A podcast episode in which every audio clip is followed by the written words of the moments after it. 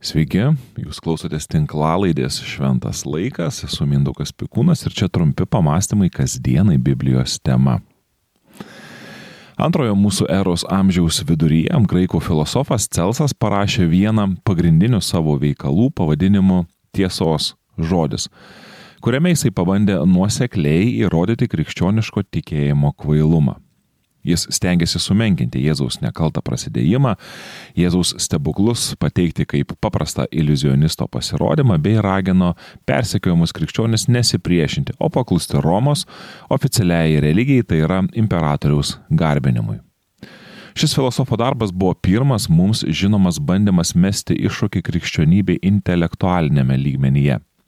Celso tiesos žodis nėra išlikęs iki mūsų dienų. Tačiau praėjus beveik pusiai amžiaus vienas iš bažnyčios tėvų, Origenas, parašė savo atsakymą, kuriame jis atidžiai ima ir atsako į kiekvieną Celso pasisakymą prieš krikščionybę.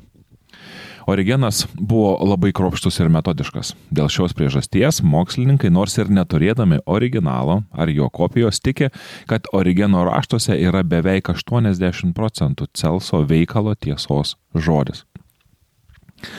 Celsas savo darbe ketino parodyti krikščionybės kvailumą, nenuoseklumą ir nepavykusi bandymą perimti graikų filosofiją iki galo jos nesupratus. Pavyzdžiui, Celsas rašė, Jei Dievas, panašiai kaip Jupiteris komedijoje, nubudęs po ilgo snaudulio panorėtų išgelbėti žmoniją nuo blogio, kodėl jis turėtų jūsų minimą savo dvasę siūsti į pasaulio užkampį? Jam vertėjo ją įkvėpti daugeliu kūnų ir išsiųsti juos į visą pasaulį.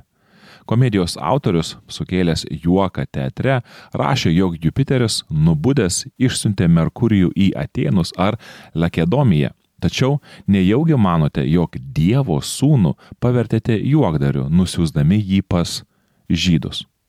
Citatos pabaiga. Galima pasakyti, jog Celsas gal net per daug ir nesistengdamas nesuprato krikščionybės ir bandė Jėzaus pasiekėjams pasiūlyti kažkokį kompromisą, kad šie nebūtų persekiojami už savo nelogiškus įsitikinimus. Celsui nerealiai skambėjo kvietimas gyventi vardan kitų, kad silpnume yra stiprybė, kad pasakojimas, e, pasiaukojimas, atsiprašau, yra didybė ir kad mirtis atneša gyvenimą. Šiam graikų filosofui krikščioniška religija atrodė kvaila ir jis pabandė tai įrodyti. Ar jam pavyko ar ne? Klausimas. Tačiau kai kas vertina šio filosofo raštus kaip nugalėto priešo bandymą dėrėtis. Krikščionybė plito ir keitė pasaulį. Taip krikščionys buvo persekiojami ir visai niekinami ir akivaizdžiai Romos imperijos oficialios religijos pamatai pradėjo nejokais drebėti. Ir Celsas pabando intelektualiame lygmenyje aptarti krikščioniškos pasaulyje žiūros jo supratimus spragas ir parodyti, kad joks save gerbintis protingas žmogus netikėtų tokiomis nesąmonėmis. Celso bandymai nebuvo labai vaisingi, nes krikščionybės plėtimas jau buvo įgavęs pagreitį. Tačiau Celso raštai leidžia mums pažvelgti į pirmųjų krikščionių Jėzaus mokymo supratimą bei atskleidžia susipriešinimą tarp dviejų skirtingų Dievo paveikslų. Celso Dievo pagrindinis brožas buvo gale O krikščionių skelbiamas Dievas yra nuolankus ir pasiaukojantis, mylintis bei atleidžiantis. Todėl manau, kad nesuklysiu sakydamas, jog toks krikščionių skelbiamas Dievo paveikslas buvo papiktinimas Celsui. Jam apaštas Paulius atsakytų, aš nesigėdiju Evangelijos, nes ji yra Dievo galybė išgelbėti kiekvienam tikinčiajam. Pirma žydui, paskui graikui. Laiškas romiečiams, pirmas skyrius, 16 eilutė. Krikščionims nebuvo kažkaip gėda skelbti Evangeliją, kuri buvo tokia nepopuliari tuometinėje kultūroje. Ir gal net nepopuliari, gal čia net netinkamas žodis. Evangelija buvo visiška priešingybė tuometiniai religiniai tradicijai.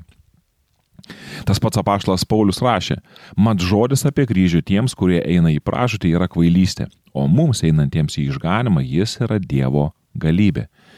Pirmasis laiškas korintiečiams, pirmas skyrius, 18 eilutė. Žmonėms kryžius yra kvailystė. Ir galima pasakyti, kad graikų filosofas Celsas yra būrie visų intelektualų, na ir savęs nebūtinai taip vadinančių, kuriems Jėzus yra myslė, kurios net neverta įminti. Tačiau tiems, kurie eina į išganimą, Jėzus ir žodis apie kryžių yra Dievo galybė įkvėpimo šaltinis. Vieniems Jėzus yra kvailystės viršūnė, kitiems tikros realybės apreiškimas. Rašydamas įžangą savo darbui pavadinimu prieš Celsą, kuriame Origenas atsako į graikų filosofo Celso mestus kaltinimus krikščionybei, bažnyčios tėvas apgailestauja, lyg ir apgailestauja, kad jo iš viso buvo paprašyta imtis tokio projekto. Origenas rašė, mūsų viešpats ir gelbėtojas Jėzus Kristus tylėjo, kai prieš jį buvo melagingai liudijama. Jis nieko neatsakė ir kai buvo neteisingai kaltinamas. Jis tylėjo, nes tikėjo, kad jo visas gyvenimas ir kasdienis elgesys žydų tarpe buvo geriausias atsakymas bet kokiam melagingam kaltinimui ar bet kokiai teisinė gynyba prieš kaltinamąjį aktą. Citatos pabaiga. Origenas tikėjo, kad geriausias liūdimas Evangelijos naudai yra jos transformuoti žmonių gyvenimai. Jokie kaltinimai negali paneigti gyvenimo, kuriame atsispindi Jėzaus charakteris. Dar kartą prisimenant apaštalo Pauliaus žodžius, aš nesigėdiju Evangelijos, nes ji yra Dievo galybė išgelbėti kiekvienam tikinčiajam. Pirma žydui, paskui graikui, rašė apaštalas. Su pakeistu gyvenimu nepasiginčiasi. Ir visi įrodinėjimai savo tiesos gali ir likti tiesiog įrodinėjimais, kurių pabaigoje visi vis tiek pasilieka prie savo nuomonės. Tačiau rašydamas savo darbą pavadinimu prieš Celsą, Origenas dar kartą patvirtino, jog tiesa yra intelektuali ir ją galima pažinti. Bet kodėl, jei Evangelija yra intelektuali ir pažini žmonės vis tiek nesutarė ir ginčijasi ir netgi ją atmeta? Na, priežasčių tam gali būti ne viena. Šį kartą norėčiau dar kartą grįžti prie jau minėto paštlo Pauliaus žodžių, jog žodis apie kryžių tiems, kurie eina į pražūtį, yra kvailystė o mums einantiems į išganimą jis yra Dievo galybė. Citata, kaip ir um, anksčiau minėta, buvo paimta iš pirmojo laiško korintiečiams, pirmojo skyrius 18 eilutės. Atidėjus į šalį visus bandymus logiškai paaiškinti biblinę pasaulyje žiūrą, apaštas Paulius sako, kad visų nesusipratimų šaltinis yra kryžius. Toliau tęsdamas šią mintę apaštas rašo, kur išminčiai, kur rašto aiškintojas, kur šio pasaulio tyrinėtojas, Argi Dievas nepavertė pasaulio išminties kvailystę? O kadangi pasaulis savo išmintimi Dievo nepažino, iš Dievo išminties veikalų tai Dievas panorėjo skelbimo kvailumu išgelbėti tuos, kurie tiki. Žydai reikalauja stebuklų, graikai ieško išminties, o mes skelbėme Jėzų nukryžiuotąjį, kuris žydams yra papiktinimas pagonėms, kvailystė. Bet pašautiesiems tiek žydams, tiek graikams mes skelbėme Kristų, kuris yra Dievo galybė ir Dievo išmintis. Dievo kvailybė išmintingesnė už žmonės ir Dievo silpnybė galingesnė už žmonės. Pirmasis laiškas korindiečiams, pirmas skyrius 20-25 eilutės. Pasaka Pašlo Pauliaus, Jėzus, kaip Dievas, pasaulio atrodo kvailas. Ir aš galiu suprasti, kodėl. Dievas atleidžia, Dievas nebaudžia, Dievo stiprybė yra nuolankume, o jo darybė yra atsisakyme keršyti.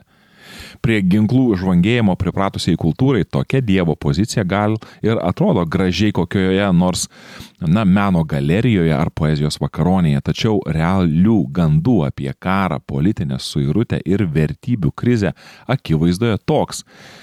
Dievas gali atrodyti kvailai. Ar gali ką nors pasiekti, atsukdamas kitas kruostas kraudėjui, nebandydamas būti pirmu ir geriausiu, bei mylėdamas besąlygiškai? Toks Dievas atrodo nelogiškai ir atsisakius įsiklausyti į Dievo pasakojimą bei įsižiūrėti į Jėzaus gyvenimą, visi bandymai parduoti krikščionybę pasauliui atrodys gana kvailai. Dievo Evangelija yra ryšli ir sklandi, jai yra pripildyta paties Dievo dvasios ir į ją įsiklausoma nekišant savo trigrašio. Tačiau galiausiai tokiu Dievu reikia patikėti, kad jo pasakojame pamatytume išminti. Manau, kad Origenas yra teisus, kad asmeninis gyvenimas yra geriausias ir įtaigiausias liudijimas. Žinoma, kalbėkime, pasakokime ir padėkime savo bei kitiems pamatyti Biblijos pasakojimo grožį ir aktualumą. Tačiau pasinaudojant apaštalo Paulių žodžiais vis tik, paties žmogaus gyvenimas yra Kristaus laiškas įrašytas žmonių širdyse, ne rašalu, bet gyvojo Dievo dvasia. Citata paimta iš antrojo laiško korintiečiams trečios skyriaus trečios eilutės. Taip, Jėzus yra kvailystė pasaulio akise. Tačiau mūsų pasauliui ir mums asmeniškai nereikia žmogiškos išminties trupinėlių tai šiandien, tai ten. Mums reikia patikėti Dievu, kuris ateina į mūsų gyvenimus kaip radikaliai gera žinia. Kad šių ir įvairesnių tinklalaidžių būtų sukurta daugiau, kviečiu paremti Šventas laikas veiklą per Contribui platformą. Ačiū tai jau padariusiems.